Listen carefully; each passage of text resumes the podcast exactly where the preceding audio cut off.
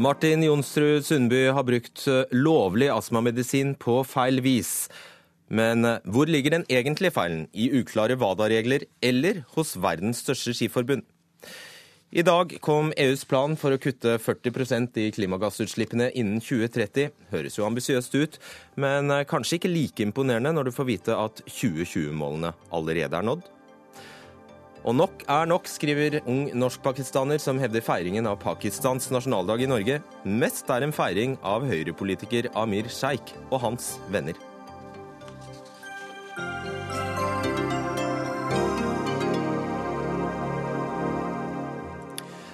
Da ønsker vi god kveld og velkommen til Dagsnytt 18.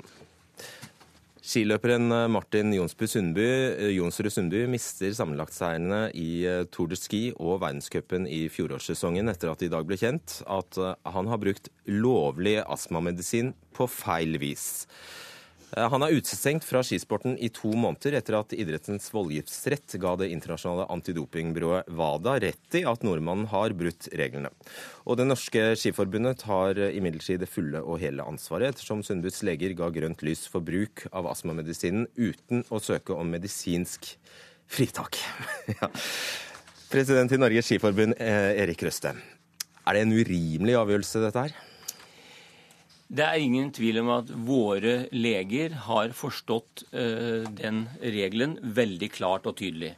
Uh, og jeg har lyst til å si at Det er jo ikke bare våre leger. Uh, det gjelder sjefslegen på Olympiatoppen som har uttalt seg i dag, som sier at de aller fleste leger vil ha forstått det på samme måten. FIS antidopingpanel med høyesterettsdommer Patrick Smith i spissen har forstått det på samme måten. Påtalenemnda i Antidoping Norge har forstått det på samme måten. Slik at eh, det er mange som har forstått regelen slik som vi har forstått den. Eh, når det er sagt, så er det egentlig ikke så mye å diskutere. Fordi det er idrettens voldgiftsrett som har vetorett i denne saken. Det er de som bestemmer, og de har sagt at den skal forstås på en annen måte. Det tar vi ansvaret for, for det er vi som har gitt Martin Jonsrud Sundby det rådet. Eh, og vi skal selvfølgelig sørge for at vi følger det, det, det, slik som nå det er sagt at reglene skal forstås.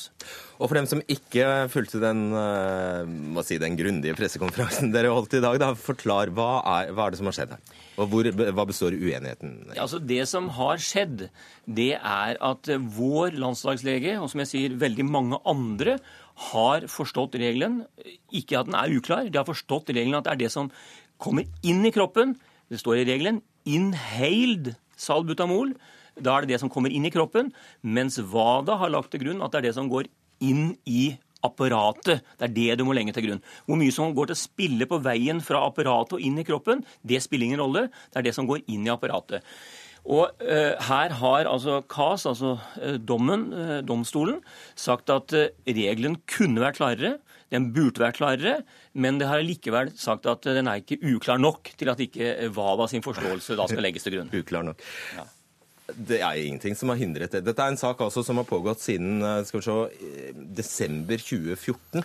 Det er riktig. Ingenting har jo hindret dere i å ta kontakt med WADA underveis og avklare hvordan denne regelen skal forstås? Nei, det, det, det, etter at vi ble kjent med den saken, så har vi selvfølgelig ikke benyttet salbutamol, altså Ventolin via forstøver.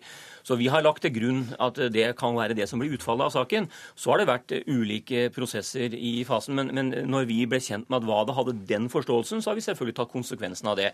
Eh, så det har ikke vært brukt på den måten. Så det er, det er, det er de resultatene resultatene, de rennene som eh, ligger til grunn i dommen, som, som vi har basert det på. Alright. Eh, Toril Vidvei, du er styremedlem i WADA.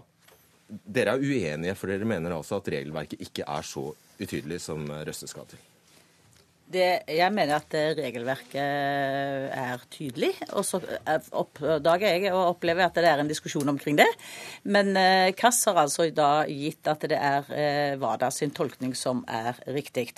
Nå vil det jo da vise seg, jeg er helt sikker på at WADA også sentralt følger med på den dommen som er blitt gitt. Og når vi har møtet vårt i september for å godta den lista for 2017, hva som skal være på lista og ikke på lista, på dopinglista, så skal jeg følge med på og se om det er muligheter for å gjøre noen justeringer på dette.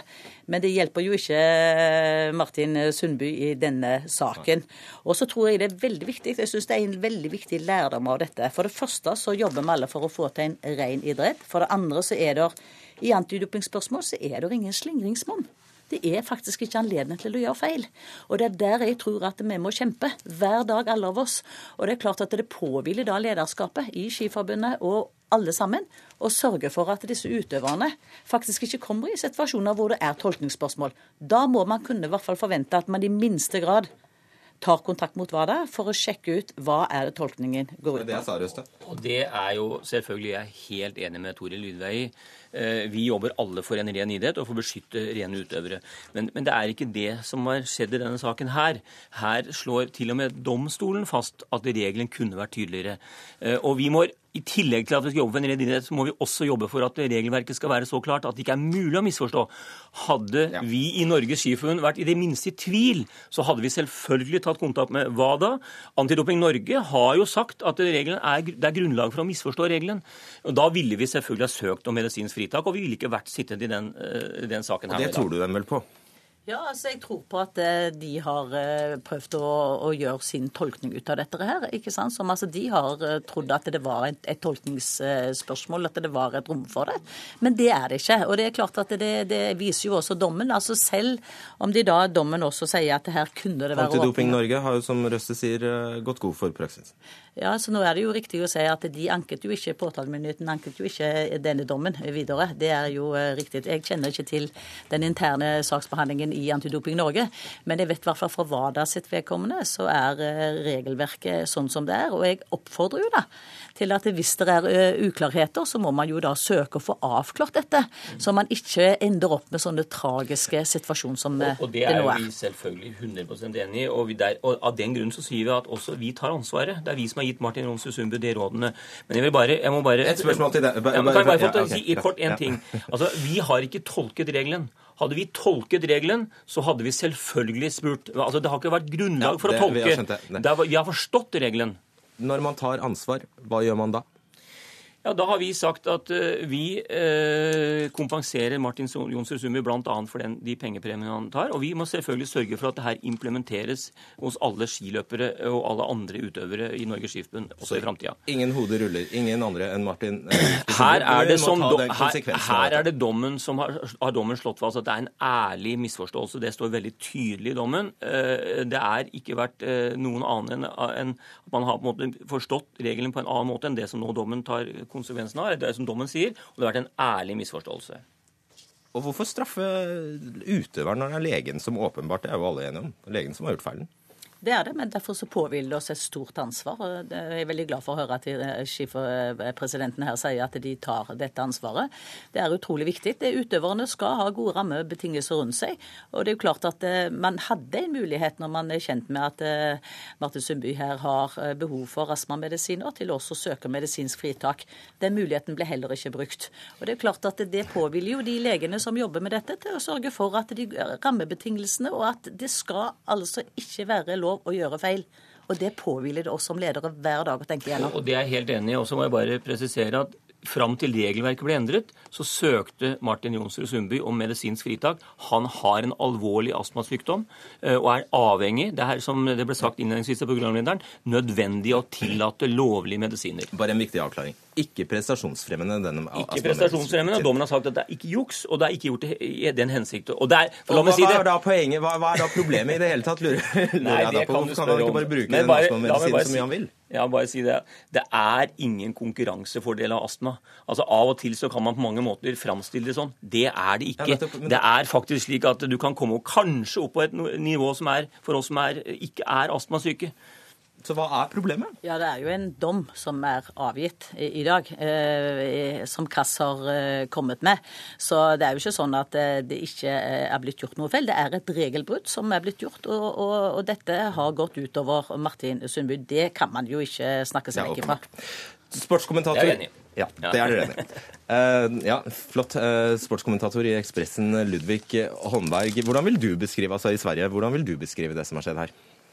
Uh, som en sjokk, det beskedet som kom her ettermiddag, og en nyhet som fikk enormt stor oppmerksomhet her i Sverige. Det var toppnyhet på samtlige tidningar og rubriken var jo fruktansvärd at Martin Jonsrud Sundby åkt fast for doping. Ehm, och reaktionerna har såklart varit starka för alla har inte bemödat sig med att läsa vidare sen. Så det är många i min mailbox just nu som menar att eh, Martin ska få ett ännu hårdare straff eh, och som inte ser nyanserna i det här. Folk som mener at doping er doping og at eh, skal ska man straffes hårt. Som ikke greier å se, eller som ikke vil se nyansene?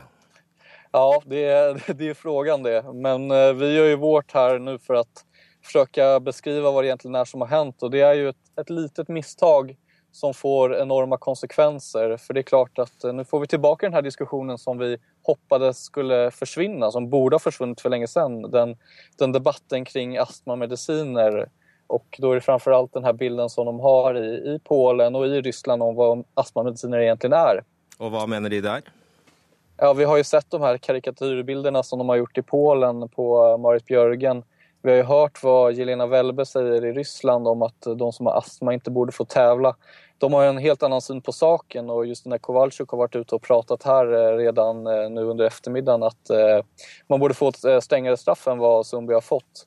Mm. Så det är två olika läger och det kommer bli hårda ord däremellan nu. Jag räknar med att det här kommer vara en, en fråga varje gang Norge vinner et skidlopp, og det er som dere vet hver uke. Og dette, ikke sant? Og dette Erik Røsse, det er dere jo så smertelig klar over. Altså, alle er bare, de bare sitter og venter på å ta Norge for noe. Og det er jo helt skjødesløst da, å, å fortsette en praksis som dere ikke engang avklarer. Eh, la meg først bare si at jeg er veldig glad for at eh, Holmberg sier at han eh, prøver å bidra til å få fram fakta i saken. Det, det er veldig bra. Eh, ja, Det er jo ingen tvil om at den, den saken her er uheldig eh, for norsk skisport og for skisportens omdømme. Det vil, jeg tror det på en måte ville være dumt å, å, å mene noe annet. Samtidig så, så, tror jeg at vi må holde fast med hva den saken her faktisk dreier seg om. Hva den her handler om.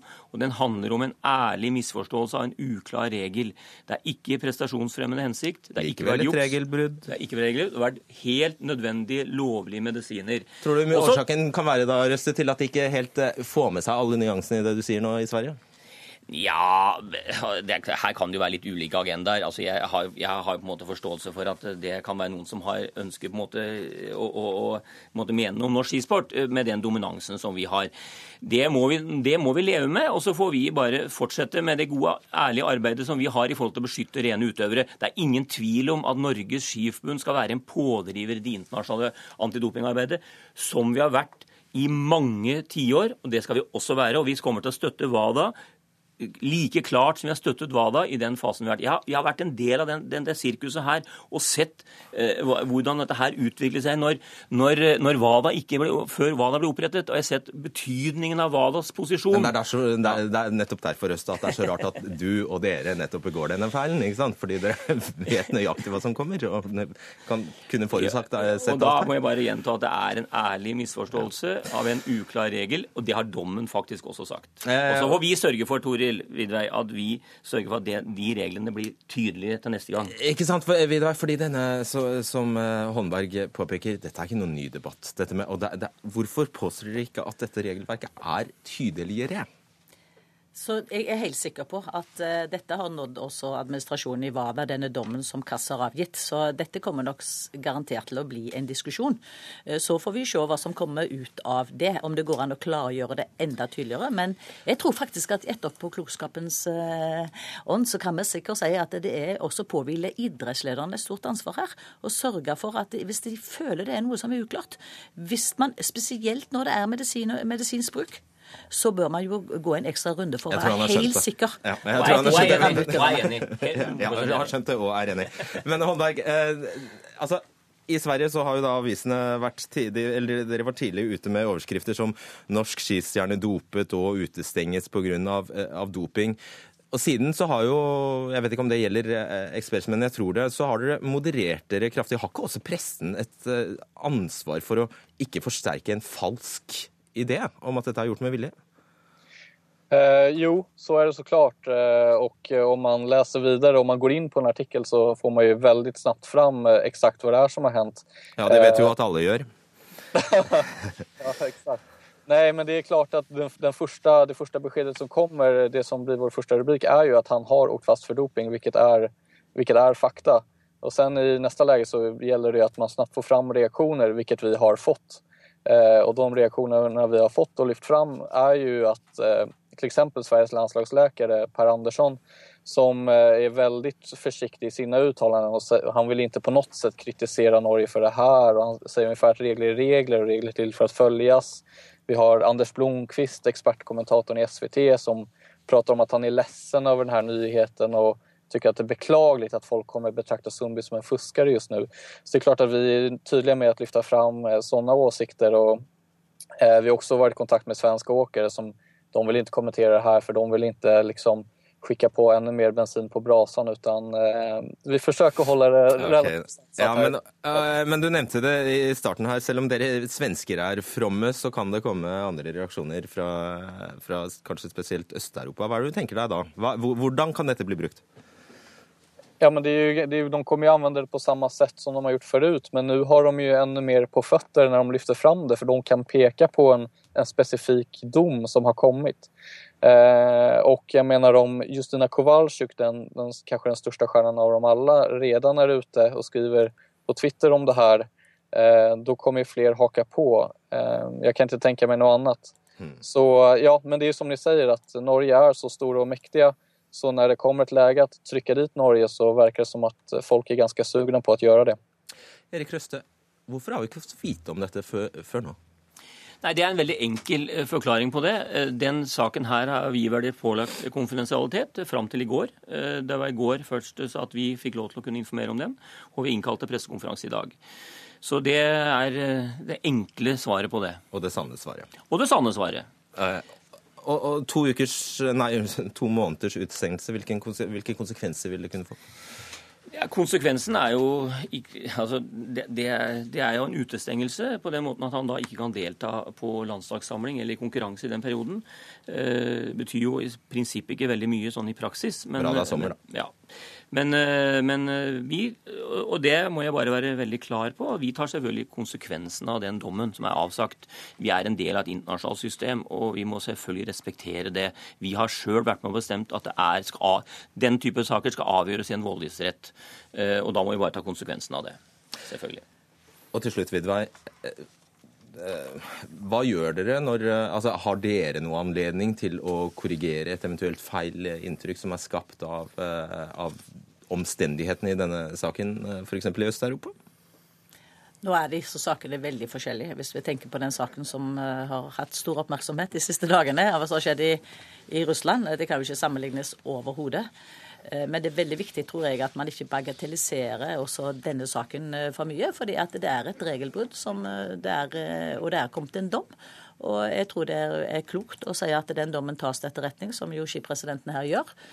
Og så får man starte på nytt igjen og bevise at man da Og bruke energien også på i hvert fall å, være sikker på at man forstår regelverket dit en skal. Sånn at man unngår dette i framtida. Ikke sant. Tusen takk skal dere ha. Erik Røsle, Toril Vidvei og med fra Sverige, Ludvig Holmberg. Dagsnytt 18 alle hverdager klokka 18.00 på NRK P2 og NRK2. Da skal vi snakke om eh, organisasjonen LIM, som står for likestilling, integrering og mangfold.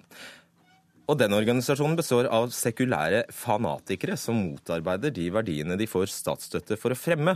Det sier Tony Burner etter at eh, Mahmoud Farahman i LIM tidligere denne uka gikk ut i Aftenposten og kritiserte Norge for snillisme og naivitet i møte med islamistisk terror. Tony Børner, du, du er lærerutdanner og du er skoleforsker. Hva, er du, hva legger du i sekulære fanatikere? Ja, Som jeg beskriver i innlegget mitt, så har jo på en måte to motsatser. Det ene er religiøs fanatisme. Da tar jeg fram eksempelet fra Iran, som er det verste eksempelet. Så er det sekulær fanatisme. Et av de verste eksemplene i Vesten er faktisk eh, Frankrike. Og vi ser hvordan det går der i dag. Det er der man ønsker å forby diverse plagg, f.eks. som går spesifikt på muslimer. Selv om de da sier at det er for alle, så vet vi at det er spesielt for muslimer. Og hvor kommer lim inn da? Lim altså, det er jo ikke, Det er ikke første gangen Farahman og Lim skriver om slikt i mediene. Og vi har, eh, jeg og en kollega skrev en, et innlegg i VG i høst om hijab, om, om det også. Um, og da var det også i en eh, forbudslinje, og det var barnehijab, eh, barneskole. Altså da hadde Lim tatt til orde for, For å forby, forby, barnehijab. Så det er ikke første gangen de det er på ikke Det er ikke spesielt ekstremt, det. da. Det har jo til og med Hadia Tajik eh, gått inn for. Hun har ikke gått inn for forbud, nei. Hun snakket om at det ikke er ønskelig. Ikke Jeg syns heller ikke det er ønskelig. Jeg syns ikke det er ønskelig heller, men jeg vil ikke forby det. Ok. Eh, Mahmoud Farahman, du er talsperson eh, i, i Lim. Ja, dere, har, altså, dere er like ekskluderende og like farlige som den religiøse fanatismen dere mener har fått fritt spillerom og bidratt til terror, mener altså Børner. Og til det sier du. Nei, La oss bare starte med en ganske enkel uh, sak. Altså at Det som skjer i Frankrike, er ikke et resultat av sekularismen. Den sekularismen Frankrike fører, er ikke det som medfører at jihadister velger å drepe folk med lastebiler, skyte folk og, siste rapporten fra Balakalan torturerer de før de dreper de. Det er ikke sekularisme som medfører det. Det er helt andre faktorer som spiller inn her, og flere faktorer. For hvis det skulle vært sekularismen, så skulle det også jødene og kristne gjort de samme tinga. Det gjør de ikke. Det er helt andre faktorer, Tony. Hva angår Lim sin posisjon, så er det som at vi er for et samfunn der de sekulære verdiene er i sentrum. Der de religiøse verdiene ikke tar så stor plass. Det vi ser nå, er at vi har i flere omganger gitt inn for de kravene som har kommet. Koreishi ble invitert for å snakke om antiradikalisering, eksempelvis på, i Romerike. To ganger har han blitt det. Ja, Fahad Qureshi, leder av Islamnett. Det stemmer. Og han fremmer jo ikke akkurat så veldig mange hyggelige ståsteder. Eh, Steining eh, er en av de han har talt for. En annen ting er at han mener at hijab forebygger eh, pedofili, har han også vært ute og sagt noe ord om. Hvis vi ser på dette her, så ser vi en trend og en tendens der vi gir inn for disse synspunktene. Et annet eksempel er Burkini, som nå har rukket opp. Det, var, det er jo ikke sånn at muslimske jenter ikke lærte å svømme før burkinien kom på plass. Hvorfor skal vi tillate burkini? Hvorfor skal vi ikke diskutere i hvert fall om det er problematisk eller ikke? Hva har burkini med terror å gjøre? Men altså det er det jeg sier, Vi gir inn til ekstreme krav, vi gir inn til ultrakonservative krav. Og det er som jeg skriver også i innlegget, det er jo ikke sånn at terrorismen er førstestoppeste. Terrorhandlinger er sistestoppeste. Og det starter jo et sted. Når vi til, til stadighet gjør ultrakonservative ståsteder og synspunkter mer og mer normalisert, så blir det problematisk. Jeg hadde tenkt å spørre Farahman, det, stille han det spørsmålet jeg stilte i innlegget mitt eh, på slutten. Det er, Kan du komme med ett eksempel på at vi har gitt etter i stor, for, i stor grad for islamister i Norge?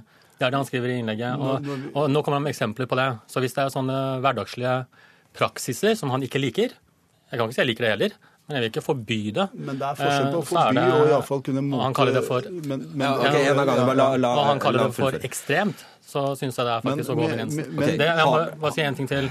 Og det er at eh, det eneste poenget med innlegget mitt er at Norge er et godt samfunn der det er plass for både sekularitet og religiøsitet. Og slik håper jeg det fortsetter. Og jeg veit at eh, regjeringen også ønsker det, og staten Norge ønsker det.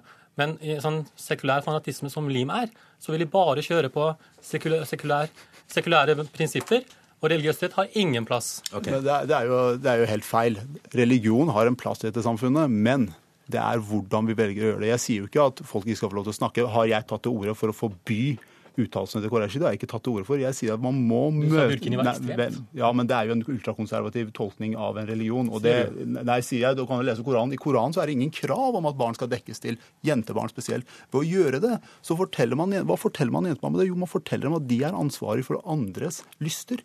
De, deres dyd er det som medfører at andre velger å begå overgrep mot dem. Og det er jo, det, er jo, det står jo i Les Koranen, det kan du gjøre. Men når vi da tillater Koreishi, men vi gir sånne personer som han fritt Ja, nå er ikke- jeg- Nei, da, men altså, men la oss snakke for han spør om Pliktskyldig, så Nei, gjør altså- oppmerksom på at han ikke er Nei, her, men han er ikke her. Men han, når, vi, når vi tillater disse utspillene og gir de fritt spillerom uten motdebattanter, som har skjedd flere ganger, bl.a. i Romerike, så normaliserer vi dette synspunktet. Og det er det som er problematisk. Det er jo ingen som sier at religiøsitet ikke har plass i samfunnet. Selvfølgelig kan folk være religiøse, men det å funde, fundamentere et samfunn basert på religiøs praksis er problematisk. Og når du, vent litt, når du går ut og kaller lim for ekstremister. Sammenligne Jo, jo det er jo det du gjør. Du kaller oss for sekulære ekstremister. Eh, fanatikere. Ja, ja. Eh, Say what you want. Eh, og det som er litt av utfordringa, er at du tar sammenligninger som er ekstreme. Du sammenligner lim med ekstreme bevegelser på andre siden. Du sammenligner Frankrike med Iran. Det er en underlig sammenligning, okay. spesielt av en pedagog. Bare, jeg må bare si akkurat den delen med å sammenligne. Det har flere sagt også. Eneste sammenligning jeg gjør, er at i Iran så påbyr man ulike klesplagg. I Frankrike forbyr man. Det er eneste sammenligningen. Selvfølgelig er det store forskjeller mellom landene. Det er viktig å få sagt. Men det jeg egentlig ville si, var Ja, vent det jeg egentlig ville si var det jeg skulle ønske Lim var ærlig på, det er at de faktisk kjører kun sekulær linje. De ønsker ingen religiøse symboler og praksiser i Norge. Ikke kristne, ingenting. De kunne vært ærlige på det, istedenfor å si vi står for integrering og mangfold. Mangfold? Jeg jobber til daglig med mangfold på, på høyskolen. Mangfold betyr forskjellighet.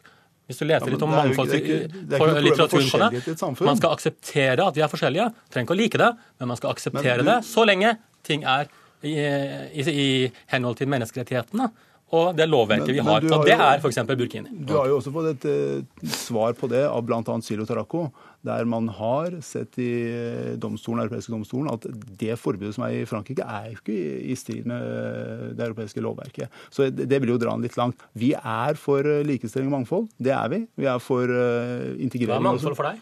Hva, hva slags spørsmål er det? Er det du som stiller spørsmål, eller er det han?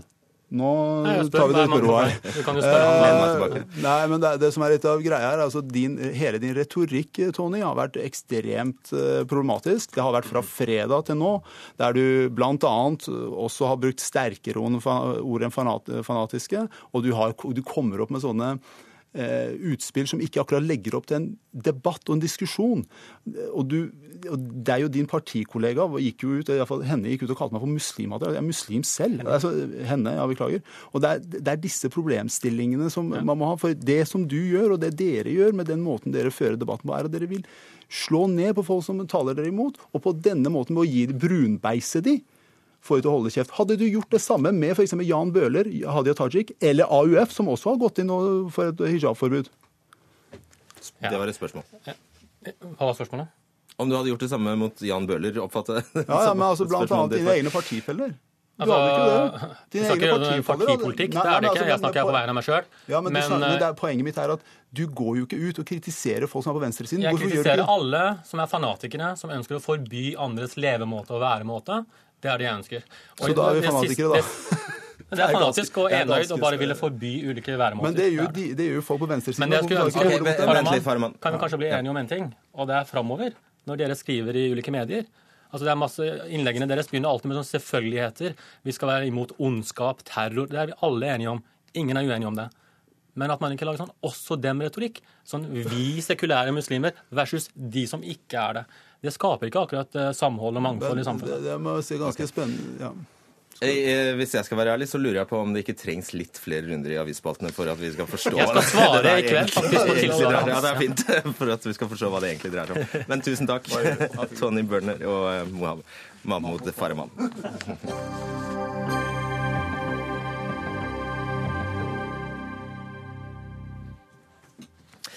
I dag kom EU-kommisjonens klimaplan for å kutte utslippene med 40% innen 2030. Og dette innebærer bl.a. at det skal kuttes i klimagassutslippene fra ikke-kvotepliktig sektor gjennom et fordelingssystem basert på bruttonasjonalprodukt. Eh, Dette rammer i hovedsak transport, landbruk, bygg og avfall. Og Regjeringen her hjemme ønsker altså at Norge skal inngå i denne klimaplanen, og derfor må vi også kutte 40 innen eh, 2030 i Norge.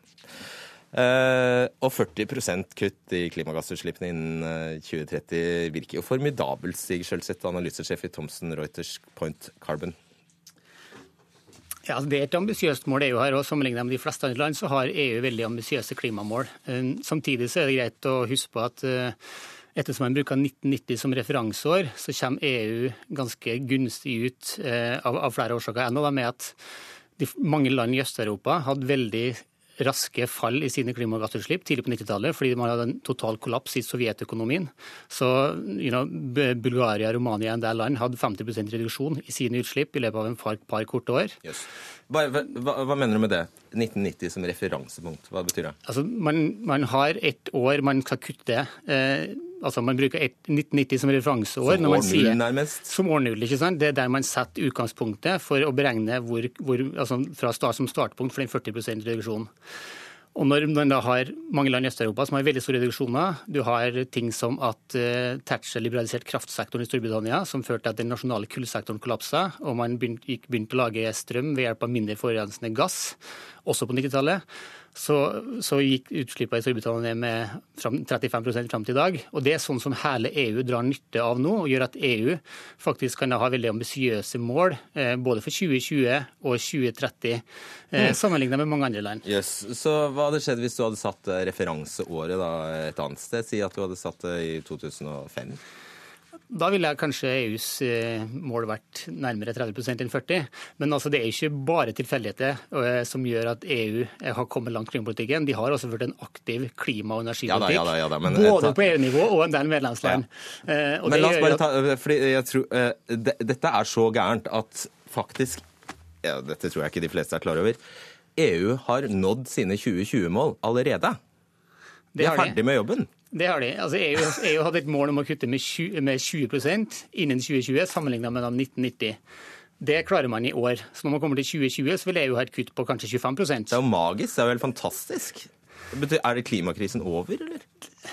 Altså, Det er jo ingen mål, verken EU eller andres mål, som er konsistent med togradersmålet. Det må man jo ha i bakhodet. Så selv om man sier at EU har en ambisiøs klimapolitikk, så må jo alle, inkludert EU, gjøre mye mer hvis man skal være i nærheten av å nå de målene man har vedtatt i Paris. Okay. Så bare for å, eh, Jeg skal bare raskt prøve å oppsummere det du, det du, sa nå. Man har altså bestemt seg for et gunstig år å ta utgangspunkt i. EU har brukt 1990, for da var utslippene digre. Eh, USA, Japan bruker et annet år. De bruker f.eks. 2005, for da var utslippene deres eh, høye. Ja. Ja. Og det er sånn vi måler dette. I Parisavtalen så kan alle land definere målet sitt og bruke det utgangspunktet man vil. og Man kan sette det som referanseår man vil, og man kan også si hvilket år man har lyst til å nå målet innen. Så det er jo juks. Det er ikke juks, men det er stor grad av frihet til å definere mål, og det er stor grad av frihet til å definere hvordan man har lyst til å nå de målene. Ja, kall det hva du vil. Vidar Helgesen, klima- og miljøminister fra Høyre. Um, hvor, eh, ja, nå skulle du sikkert si masse fint om hvor ambisiøst eh, dette eh, var, men hva har du å si til dette? Det er ingen tvil om at EU og Norge, som har samme klimamålsetting for 2030, er blant de mest ambisiøse målene i verden, og bidro med det til den positive dynamikken som uh, gjorde Parisavtalen mulig. Så er det også sånn at EU har jo uh, hatt en periode hvor de har kunnet ta noen av de lavthengende fruktene i eh, klimapolitikken. Eh, blant annet eh, så har jo, i motsetning til Norge, som har en byggsektor som er vannkraftoppvarmet, så har mange EU-land kunnet gjøre mye der og må fortsette å gjøre det. Transportsektoren er en større utfordring, og det kommer til å bli viktig for EU i de neste ti årene. Og Derfor la de jo da også frem i dag en eh, dekarboniseringsstrategi for transportsektoren. Så det blir mer krevende å nå 2030-målene enn det har vært å nå 2020-målene. Eh, det var da enda godt. Eh, nøyaktig hvor mye mer krevende, Vidar Helgesen. Hva, hva, betyr dette for Norge? For Norge betyr det jo at vi setter et ambisiøst mål. Det la vi jo frem i fjor. Og det at vi eh, har fått 40% som mål i ikke-kvotepliktig sektor, som primært er for samferdsel og, eller transport og landbruk, det er ikke særlig overraskende. Men i tillegg til at målet er eh, ambisiøst, så betyr dette en mer forutsigbar klimapolitikk. Det betyr en mer systematisk klimapolitikk. Ja, og det betyr en mer forpliktende ja. klimapolitikk fra 2021. Mm. Og fordi dette innebærer at fra 2021 fram til 2030 så skal Norge og alle andre EU-land få klimabudsjett å forholde seg til hvert eneste år. Så det er faktisk rammer vi må forholde oss til, eller holde oss innenfor da. Ikke sant? Ja, vi får et utslippsbudsjett. Vi må rapportere på det årlig. Vi må gjøre fremskrivninger eh, annethvert år.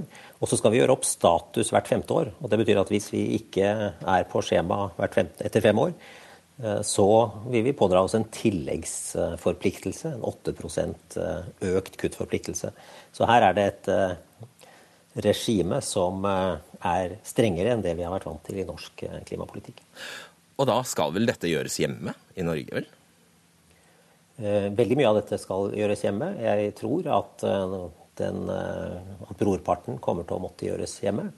Det åpnes tror. for Ja, vi har et drøyt år foran oss hvor EU-landene, EU-parlamentet og kommisjonen og Norge på siden av dette skal eh, diskutere oss frem til hva som blir det endelige regelverket. Hva mener du da? Det, det, legges opp til noe fleksibilitet. Jeg er veldig opptatt av at Norge skal ha den samme adgangen til fleksibilitet som det til, til å kutte i andre europeiske land som det EU-land vil ha. Men ut fra det som nå ligger fra kommisjonen, så eh, er det ikke veldig stor adgang til å gjennomføre forpliktelsen ved å kutte i uh, ved å støtte kutt i andre europeiske land. Og kjøpe, eh, kjøpe seg litt eh, kvoter fra Bulgaria, f.eks. Samtidig Stemmer det? Ja, eh, la meg bare stille et spørsmål til Skjølseth. Stemmer det? Nei, det gjør det ikke. Det, det, legges opp til at man kan, det er full fleksibilitet til å kjøpe utslippsreduksjoner fra andre land og samarbeide om kutt. Det som det er usikkerhet om, er jo i hvilken grad det finnes eh, kvoter det er jo en helt annen ting som er tilgjengelig. Om de kvotene finnes. Ja. ja. Men det er ingenting i det lovverket som er lagt frem i dag som sier at man må gjøre en gitt prosentandel gjennom nasjonale kutt. Det, det er det ikke. Hvorfor sier du det da, Helgesen? Nei, Det er fordi jeg snakker om praksis og ikke om prinsippene her. Det som, er, det som er, eh, har vist seg i praksis uh, i denne perioden, ja, i EU, det er at uh, det har ikke vært noen slik uh, handel. Og det er klart at skal et land. Jeg spurte deg om Norge måtte, ikke om hva du tror Norge bør. Nei, jeg, jeg, sa jo at vi ikke må. Vi vil ha en fleksibilitet, men jeg sier at den ikke vil være veldig stor. Så vi må forberede oss på betydelige kutt hjemme. Det er hovedbeskjeden med dette. Og det har vi eh, heller ikke vært overrasket over. Men, ja, men, men samtidig så er det jo også sånn at uh, hvis vi kan få CO2-utslippene mer ned ved å bruke en milliard i Bulgaria enn ved å bruke den i Norge, så er jo det bra ja, både for klimaet og for norsk økonomi. Så den muligheten vil vi gjerne ha hvis andre EU-land, hvis andre europeiske land får den muligheten. Det er ingen grunn til at vi skal ha et annet regelverk enn de andre. Ja, Det er ingen det. Er det, faktisk, det har hun rett i, Skjølseth. Altså, hvis Norge flommer over av eh, penger i 2025 og, og, vi har et stort problem og det finnes ledige kvoter der ute, da er det sannsynlig at vi kjøper oss ut av problemet. Selv, altså det, det, er opp til, opp til, hvert enkelt land å bestemme om man har lyst til å ta kutta hjemme eller om man har lyst til å ta det ute. Altså Grunnen til at ikke det har vært så mye handel mellom EU-land i perioden fram til 2020, er jo litt i sammenheng med det jeg starta med å si. Alle, når, alle, alle EU-land når målene sine for 2020, og derfor trenger man heller ikke å handle. Fram til 2030 så vil det bli annerledes. Noen land kommer til å slite med å nå sine mål, andre vil kanskje eh, greie å gjøre mer enn de har forplikta seg til. Men der er jo poenget at hvis de sliter med å nå sine mål, så eh, Eh, hjelper jo ikke det oss hvis målet er å kjøpe. De må jo overoppfylle sine for at det skal være noe å kjøpe. Så Poenget er at det er opp til hvert land å bestemme. Hvis Norge har lyst til å gjøre alt nasjonalt, så er det opp til Vidar Helgesen og politikerne på Stortinget til å sette de kravene og bestemme den klimapolitikken nasjonalt. Og der der du kommer inn, eh, du har venta lenge nå, Kari Elisabeth Kaski, partisekretær i SV. Det er jo der Stortinget kommer inn, og noen hadde kanskje håp om at denne, disse EU-forslagene skulle føre til en liten game changer i norsk klimapolitikk, men nei da. Vet du hva, Alt er som før. Det kommer til å bli en dragkamp mellom de partiene som vil gjøre mest her, og de partiene som argumenterer, som Helgesen delvis gjorde her, at det mest, kan være mest hensiktsmessig å ta kuttene andre steder. Ja, og Derfor er det så spennende å høre hva Helgesen og regjeringa sier nå. Uh, la meg ta ett skritt tilbake. Jeg bruker ofte, og kan, spørsmålet kan jo gå ut til lyttere nå, et spørsmål jeg ofte stiller i ulike sammenhenger. Hva er Norges klimamål? Uh, og i veldig liten grad møter du noen som, som kan svare på det. Og det skyldes ikke uh, lyttere eller tilhøreres manglende uh, kunnskap eller evne, men rett og slett at det er veldig vanskelig å ha oversikt over. Og det bekymrer meg veldig mye at vi ikke vet hvor høye utslippene i Norge kommer til å være i 2030. Og det er ingenting av det som Helgesen nå sier, eller av det som EU har lagt frem i dag, som gjør det noe tydeligere hvor utslipps, hvordan utslippsnivå vi kommer til å ha i 2030. Og det er altså... Men da må jeg få minne om at dette er en global utfordring, så jorda bryr seg vel lite, lite om Norge har kutta 30% eller 28 eller 20? Ja, men Norge har ganske klare forpliktelser om at vi skal kutte klimagassutslipp. Og både i Parisavtalen, som jo faktisk strammer til det globale togradersmålet og gjør at vi skal strekke oss mot 1,5, men så er det jo også lurt at Norge kutter egne klimagassutslipp Så der har vi en ganske eh, sterk forpliktelse. Men vi har altså ikke noe klart mål for hva det skal være. Og det mener jeg skaper lite forutsigbarhet for folk flest. Og så er det også ingen andre store samfunnsområder der vi styrer altså etter ikke noe mål. Det blir som i skolepolitikken at du sier til elevene at det er nok at de åpner bøkene, men du overser målet om at de skal lære seg å lese. Og Det er altså det vi holder på på klimaområdet i dag. Vi mangler en sammenheng mellom tiltak og mål. Mm. SV er mest opptatt av måling i skolen. Sånn. Ja, vi er opptatt av at uh, vi skal ha en målsetting Avsporing. for det vi gjør. Ja, glem det. Helgesen, det er, det er, jo delvis sant, for du heller du kan ikke svare, eller kan du kanskje det, kan du klare svare helt klart og tydelig på hva Norges klimamål er? Norges klimamål er å kutte 40% i forhold til 1990 innen 2030. Hvor da? Og Det er et mål som er nasjonalt, og vi tar sikte på å gjennomføre det i samarbeid med EU. Ja. Vi sier også, og vi sa også det i fjor, at eh, hvis det ikke skulle bli en avtale med EU, så vil det fortsatt være et 40 %-mål. Nå legger, ligger, alt an til at vi får et samarbeid med EU. Det at Norge omtales i dagens eh, forslag fra kommisjonen, er et viktig skritt i så måte. Det betyr at vi får en mye mer systematisk klimapolitikk, også med tanke på Norges nasjonale mål enn det vi tidligere har hatt. Det For det, nå, det, vi nå kommer til å få, er et utslippsbudsjett. Det er mange som, Jeg tror Kaski er blant dem som har etterlyst det. Nå får vi det. Vi får det gjennom regjeringens forslag om å koble oss til uh, EUs gjennomføring. Og så skal vi rapportere årlig på det. Jeg har faktisk ikke etterlyst det, men, men jeg reagerer faktisk på at du sier det, for du sa det også i innledninga di. Og det du sier, at vi får nå mye mer forpliktende målsetninger, nå skal det følges oss. Men altså, kjære venner, Stortinget har altså vedtatt klimamål for Norge tidligere. Altså, det er de folkevalgte som sitter og vedtar hva som skal være Norges klimamål, f.eks. inn mot 2020. Og det er ingenting som tilsier at den politikken som regjeringa fører i dag, kommer til å gjøre at vi når det målet. Jeg har vært i mange debatter her med ulike statsråder fra denne regjeringa, som jo ikke vil innrømme at vi ikke holder på å okay. nå klimamålet i 2020. Men vi har klimamål for 2020 som vi ikke er i ferd med å nå. Og hvis ikke regjeringa får opp farta med å eh, redusere utslippene også frem mot 2020, så vil det bli vanskelig å kutte frem mot 2030. For Norge er i en særstilling eh, videre Helgesen, i motsetning til da EU, som faktisk er i boks, eh, som er, eller som er i, i havn, så øker utslippene i Norge. Når var det du så for deg at den kurven skulle begynne å tippe og gå andre veien? Når skal den pila begynne å gå nedover for Norge selv? Vi bestilte jo en rapport fra Miljødirektoratet for å få eh, indikasjoner på dette, og disse fremskrivningene tyder på at uh, utslippene kommer til å øke. Bl.a. som følge av oljepolitiske beslutninger da SV satt i regjering. Det, og, det har vært den type beslutninger med oss i regjering også. Det, og det denne Miljødirektoratrapporten sier, er at uh, det kommer til å gå opp i et par år til før det begynner å gå ned mot 2020. Og Det er en utfordring. Det krever at vi skjerper klimapolitikken. Det har vi gjort sammen med samarbeidspartiene. En langt mer ambisiøs klimapolitikk. Og det gjør at vi vil få resultater. Men det er, Men det er, jo, ikke, det er jo også slik, eh, for å kommentere Kaski, det er altså slik at Norge har hatt nasjonale klimapolitikk i lang, lang tid. Og vi har hatt nasjonale klimamål som ikke har blitt nådd.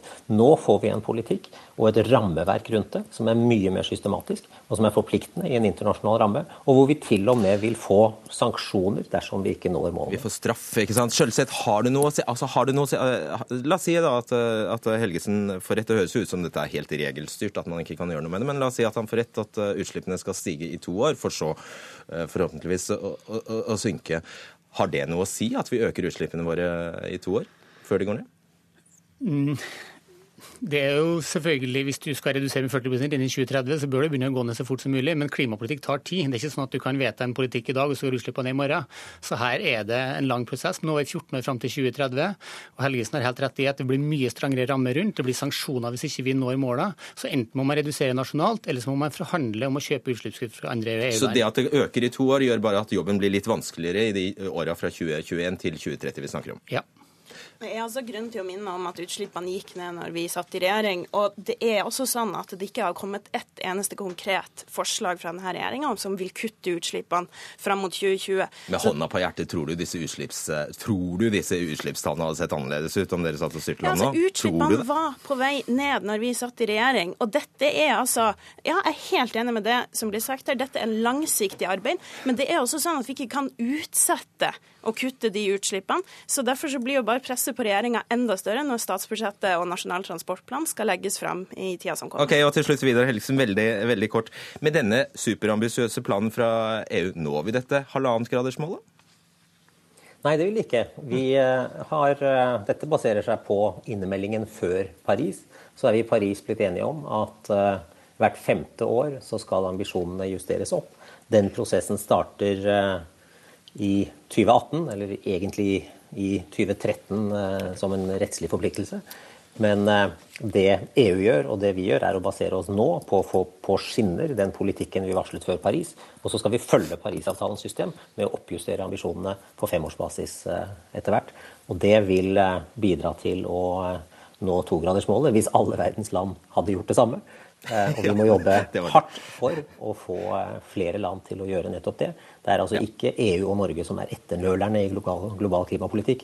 I dag la republikanerne Nei, frem sitt program i USA hvor de sa at kull er en ren energikilde. Det viser litt om hvilke utfordringer vi står overfor eh, andre steder. Og Norge og EU er helt i tet internasjonalt i klimapolitikk. Desto større ansvar og forpliktelser som hviler på Norge. Ja, takk skal dere ha. Kari Elisabeth Kaski, Stig Skjølseth og Vidar Helgesen. Fem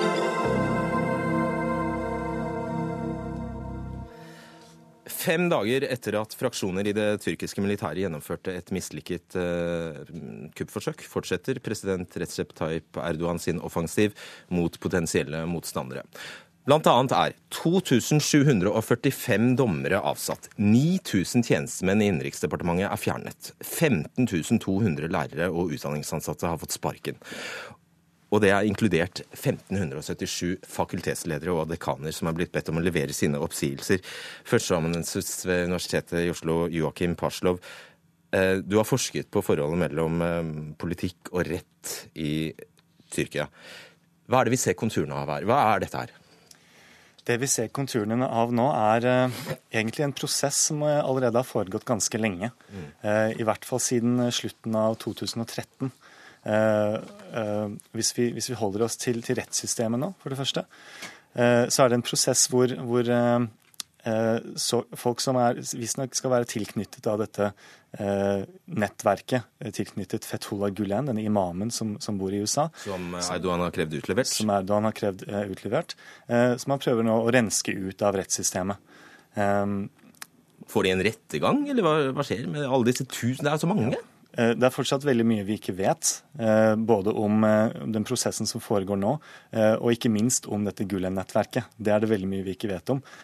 Selv de som forsker på dette nettverket, er ikke helt enige om omfanget av nettverket, eller ja, akkurat hvor det befinner seg, hvilke statsinstitusjoner det befinner seg. Men de er enige om at det fins, og det er ganske stor enighet om at de hadde mennesker inne i rettssystemet, spesielt i visse domstoler. Eh, antageligvis ikke hele rettssystemet, men, men bestemte domstoler eh, hadde antageligvis eh, eh, påtalejurister og dommere tilknyttet Gulen-nettverket. Hva, hva, innebærer det? Er de en losje? Hva gjør de? Ja, eh, du kan si de er en slags, de en slags losje, ja. Det er en slags, en slags religiøst samfunn. Eh, som er da lojalt ovenfor denne imamen Fetullah Gulen. Eh, og som du kan si er en, eh, Det er en losje som tilhører eh, det samme store religiøse samfunnet som Erdogan selv tilhører, men en annen losje innenfor det samfunnet. Vet du, eller vet man, hvor lite som skal til for å bli fjernet som statsansatt nå? ja, Det er tydeligvis ikke så veldig mye som skal til. ikke, men nå, er vi, nå er vi vel mellom 60 og 70 000 som er blitt avsatt. og jeg har mistet litt oversikt over hvor mange tusen som er blitt arrestert. Igjen så er det mye vi ikke vet her, men, men dette tyder jo på at, eh, at, Erdogan eller regjeringen har sittet med lister over folk de gjerne ville bli kvitt eh, en stund før dette mislykkede kuppet fant sted. Eh, slik at de som nå avsettes, ikke bare er antageligvis ikke bare er folk de tror var direkte involvert i kuppet, men sannsynligvis også folk de, de tror ikke er lojale nok overfor Erdogan, og derfor antageligvis vil stå i veien for denne utrenskningsprosessen. Og så er det avholdt et møte i Det nasjonale sikkerhetsrådet i dag. Vet vi noe om hvordan det gikk? Nei, jeg, jeg, vet ikke noe om det foreløpig. Eh, det går rykter om at eh, et av resultatene av møtet vil være at eh, det erklæres unntakstilstand.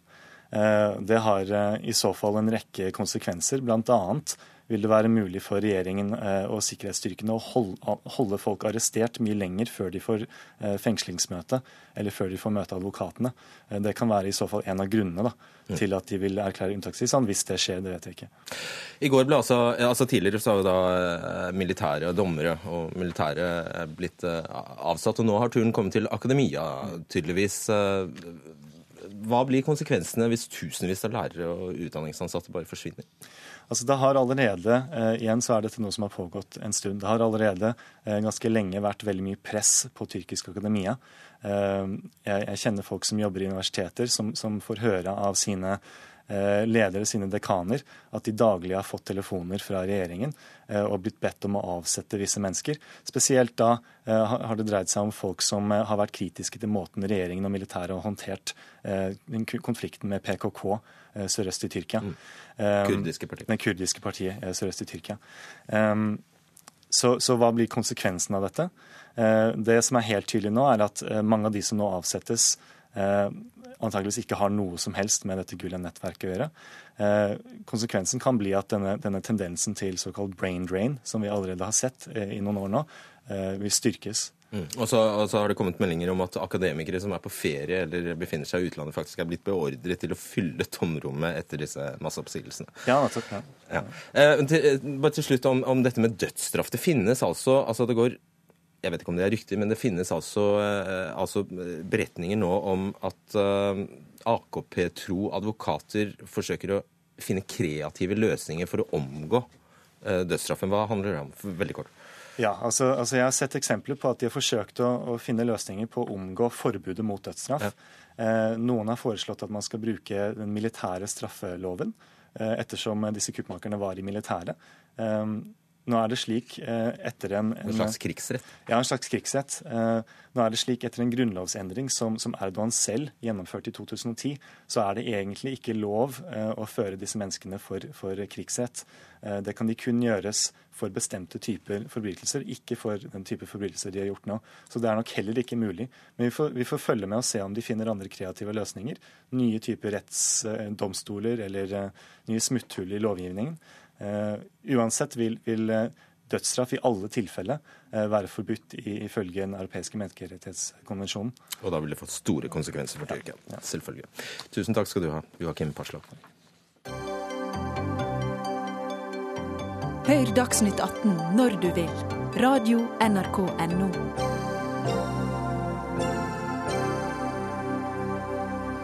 Om noen få uker, den 14. august, feirer Pakistan sin nasjonaldag. Og siden 2003 har den i Norge blitt markert og feiret av en 14. august-komité, eh, som da ledes av høyrepolitiker Amir Sheikh. Men nå går en stor gruppe unge norskpakistanere til opprør tror vi kan kalle det opprør mot uh, komiteen. Eh, dere forpester våre viktige merkedager, skriver Kavar Kadir på Facebook. Og her er du vi kaller deg skribent. Og du skriver på Facebook at du skal avkle dobbeltmoralen deres i all offentlighet. Vær så god, hva er så gærent med denne 14. august-komiteen? Ja, bare korrigere deg litt der. Jeg, jeg, skrev jo dette egentlig helt uh, for meg selv. Så, så å gi uh, alle i den gruppa som det er snakk om, tillegge dem det, det synet, det, det, blir kanskje litt feil. Men, det er mange, mange, som, mange som, er med. jeg, skrev, jeg skrev egentlig um, Ja, jeg skrev om dette for to uker siden. da hadde det vært en boikottgruppe som prøvde å få, få, komiteen her i tale. Og det gikk ikke. Da skrev jeg et åpent brev, og det er tydeligvis lagt merke til. Det jeg reagerer, reagerer på da i det brevet, det er, det er, ganske mange ting. Altså avkle dem. Det er i forhold til uh, jeg, jeg, føler vi, vi, eller jeg føler at uh, offentligheten i Norge, uh, også politisk eliten her i Norge og i Pakistan, har fått det inntrykket at dette er et offisielt arrangement. For meg har det vært veldig viktig å få det fram, at dette er, som Amir også har sagt et par ganger nå, når han begynner å bli tatt på dette, at dette er et enkeltmannsforetak som han driver selv. Det er ikke noe åpenhet rundt noen ting der, ikke noe demokratisk prosess. Det er veldig mye som foregår bak lukkede dører. Med mange av disse politikerne også. Etter at jeg skrev dette, så har faktisk flere norske politikere som har tatt kontakt med meg, eller andre av disse som sympatiserer i den saken her. Det er også noen som har fått prisen, ærespriser av han, som, som, som, har reagert på det. Fordi de har ikke visst at dette her har vært en, en, en, en person, okay. enkeltmannsgreie. Jeg tror du må være litt flinkere ja. til å forklare for oss helt utenforstående hva, ja. dette, hva er problemet med denne 14. Problem, problemet er at, er at altså han har fullt lov til å, til å drive og ha, ha, ja, ja, Eh, som har egen komité. Det er jo han som fronter denne og har starta den og vært leder for den i, siden 2003. Men da må man få frem også, eh, hvis han først skal gjøre dette, ikke la andre stemmer få komme frem, ta all plassen i rampelyset, så mener jeg at det er viktig å få frem også hva som er gærent her, og at det ikke representerer det synet Og Ta kortversjonen nå. Hva er gærent? Ja, det, er, det, som er gærent her, er, er at han, de f.eks. år etter år inviterer korrupte politikere som beviselig har begått korrupsjon. I år så inviterer han, han en politiker som det har vært stilt mange spørsmålstegn rundt, som har arva en politisk plass, og han tar ut bli statsminister i, Norge, i, i Pakistan unnskyld, eh, eh, i nærmeste fremtid. Uh, altså ikke demokratisk valgt i, i, i, partiet. Faren og resten av familien har vært versert ja, Bilal Og det har vært versert mange rykter eh, Eller unnskyld, uh, det, har vært veldig mye, mye snakk om korrupsjon der, der faren har vært dømt for korrupsjon. Mm. Du kan se på klokka. Ja, du la oss veldig kort tid i dag. Eh, jeg, skal, skal, jeg skal ile til og si at uh, vi selvfølgelig har vært i kontakt med Amir mm. Sheikh. Uh, han hadde ikke anledning til å delta verken i studio eller, eller på telefon mm. fra sin ferietilværelse. Men han har skrevet et forsvarsinnlegg i Minerva hvor han bl.a. skriver at det dere egentlig protesterer mot her, er Altså partitilknytningene. Han, han, hevder da at du uh, Altså at det er egentlig en, en, konflikt mellom partiet PTI og konkurrenten PPP. Okay. At det bunner i en politisk konflikt. Ja dette her. Svare på det? Det kan du svare. Aldri vært, uh, siden jeg var med i et ungdomsparti her i Norge i, i 17-18-19-årsalderen, så har jeg aldri vært med i noe politisk parti, verken her eller andre steder. Jeg har egentlig aldri vært veldig veldig interessert i pakistansk politikk heller. Det, og, og, det der er det brukt veldig mange rykter, bl.a. at jeg skulle tilhøre en Ahmadiyya-minoritet osv. Det er sånn som de komiteen har lagt ut i ettertid. Det med PTI stemmer overhodet ikke. Jeg har fått, fått, fått, De har skrevet på, på, som kommentar at de, har, de støtter, støtter, dette her. Og da har jeg sagt til dem at jeg har skrevet det offentlig. at jeg takker for det, men neste gang så kan det være dører hos dere som, eh, som blir sparka inn. Ålreit. Eh, Kamil altså du er samfunnsdebattant. og Gjør et forsøk nå på å forklare hva dette dreier seg om. Du har prøvd å analysere denne konflikten i Minerva. Ja, eh, for meg, hvis man skal begynne med 14. august-komiteen, så handler det først og fremst om at det anser jeg som det største navneskupet i norsk-pakistansk historie.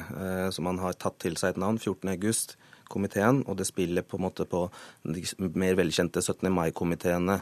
Eh, det er en eh, oppfattelse Ahmed Sheikh ikke har det travelt med å rette opp i. Eh, og jeg tror ikke mange av de som har mottatt prisene, er blitt gjort klar over den nyansen der at dette disse prisene ikke blir delt ut på vegne av folket, på vegne av norsk-pakistanere, på vegne av ambassaden eller noen andre, men kun denne komiteen. Det er snakk om en brobyggerpris, eh, blant annet? Blant annet en brobyggerpris, og det er mange som, eh, enkeltpersoner som har fått prisen som absolutt fortjener den prisen, det er ikke det. Men det er veldig mange andre som er mer latterlige enn andre. Bare gi et eksempel på det. Du, har Angelina Jolie, som er en prisvinner. Du har eh, Foss, du har Morten Harket, du har diverse ulike Prince Charles fra England, som ikke gir noen mening på hvorfor skal få en brobyggerpris fra en Er dette Ja, OK. Eh, I og med at du, du, spør hva som er latterlige priser. Første året, dette med, altså når dette ble, komiteen ble stifta i 2003, så var det to personer som stifta det, som var hovedpersonene. Eh, Amir Javed Sheikh og en som heter eh, Mohammed Anwar Sofi. Første året så klarte de å gi den prisen med deler av politiske Norge til stede til Mohammed Anwar Sofi. Det er to personer som har sittet der og gitt til sin egen. Tre år seinere har de klart å gi til kona til grunnleggeren. Det, det, det, hører ikke hjemme noe som helst sted. Altså nepotisme, habilitetsregler, jeg vet ikke de, hvordan, hvordan, dette, hvordan, de har tenkt overhodet. Er dette et generasjonsoppgjør? Ja, For meg så fremsto det veldig slik når man så det sterke engasjementet i den saken, eller det første brevet til Khaver eh, Kadir eh, eh, viste, så var det for meg en, en, en, en, form for protest fra de såkalte unge, nå er vi like gamle, men fra, de såkalte unge mot uh, en gjeng som da eh, tar på seg en, en representasjonsmandat som de egentlig ikke har fått. Og Der tror jeg mye av konfliktens kjerne egentlig ligger. eh, At man mener at de tar på seg et ansvar de ikke har fått. Svar på ti sekunder om dette vil føre, vil det føre til alternative 14. august-arrangementer, dette her? He- he- Helt klart, men samtidig så har jeg vært veldig opptatt av at det ikke skal bli kuppa av noen andre. For det er mange andre foreninger og organisasjoner som, som, eh, som eh, vil, vil ta eh, kuppe dette her. Så jeg har foreslått at ambassaden, pakistanske ambassaden skal stå for det fra neste år. da. Et kjapp replikk der. det jeg si. Er 20 sekunder igjen av 20 sendingen. skal jeg klare, for dette er, Nå er det 14. august-komiteen som får mye kritikk, men dette her er en kritikk rettet mot det hele det etablerte norsk-pakistanske organisasjonslivet, som opererer med svært diffuse eh, mål og uklare formål. Og jeg tror vi inviterer dere tilbake så snart eh, Amir Sheikh er tilbake fra sin eh, ferie, fordi vi må, må jo til bunns i dette. Takk skal dere ha. Dag Dørum, Hilde Tosterud og Fredrik Solvang, takk.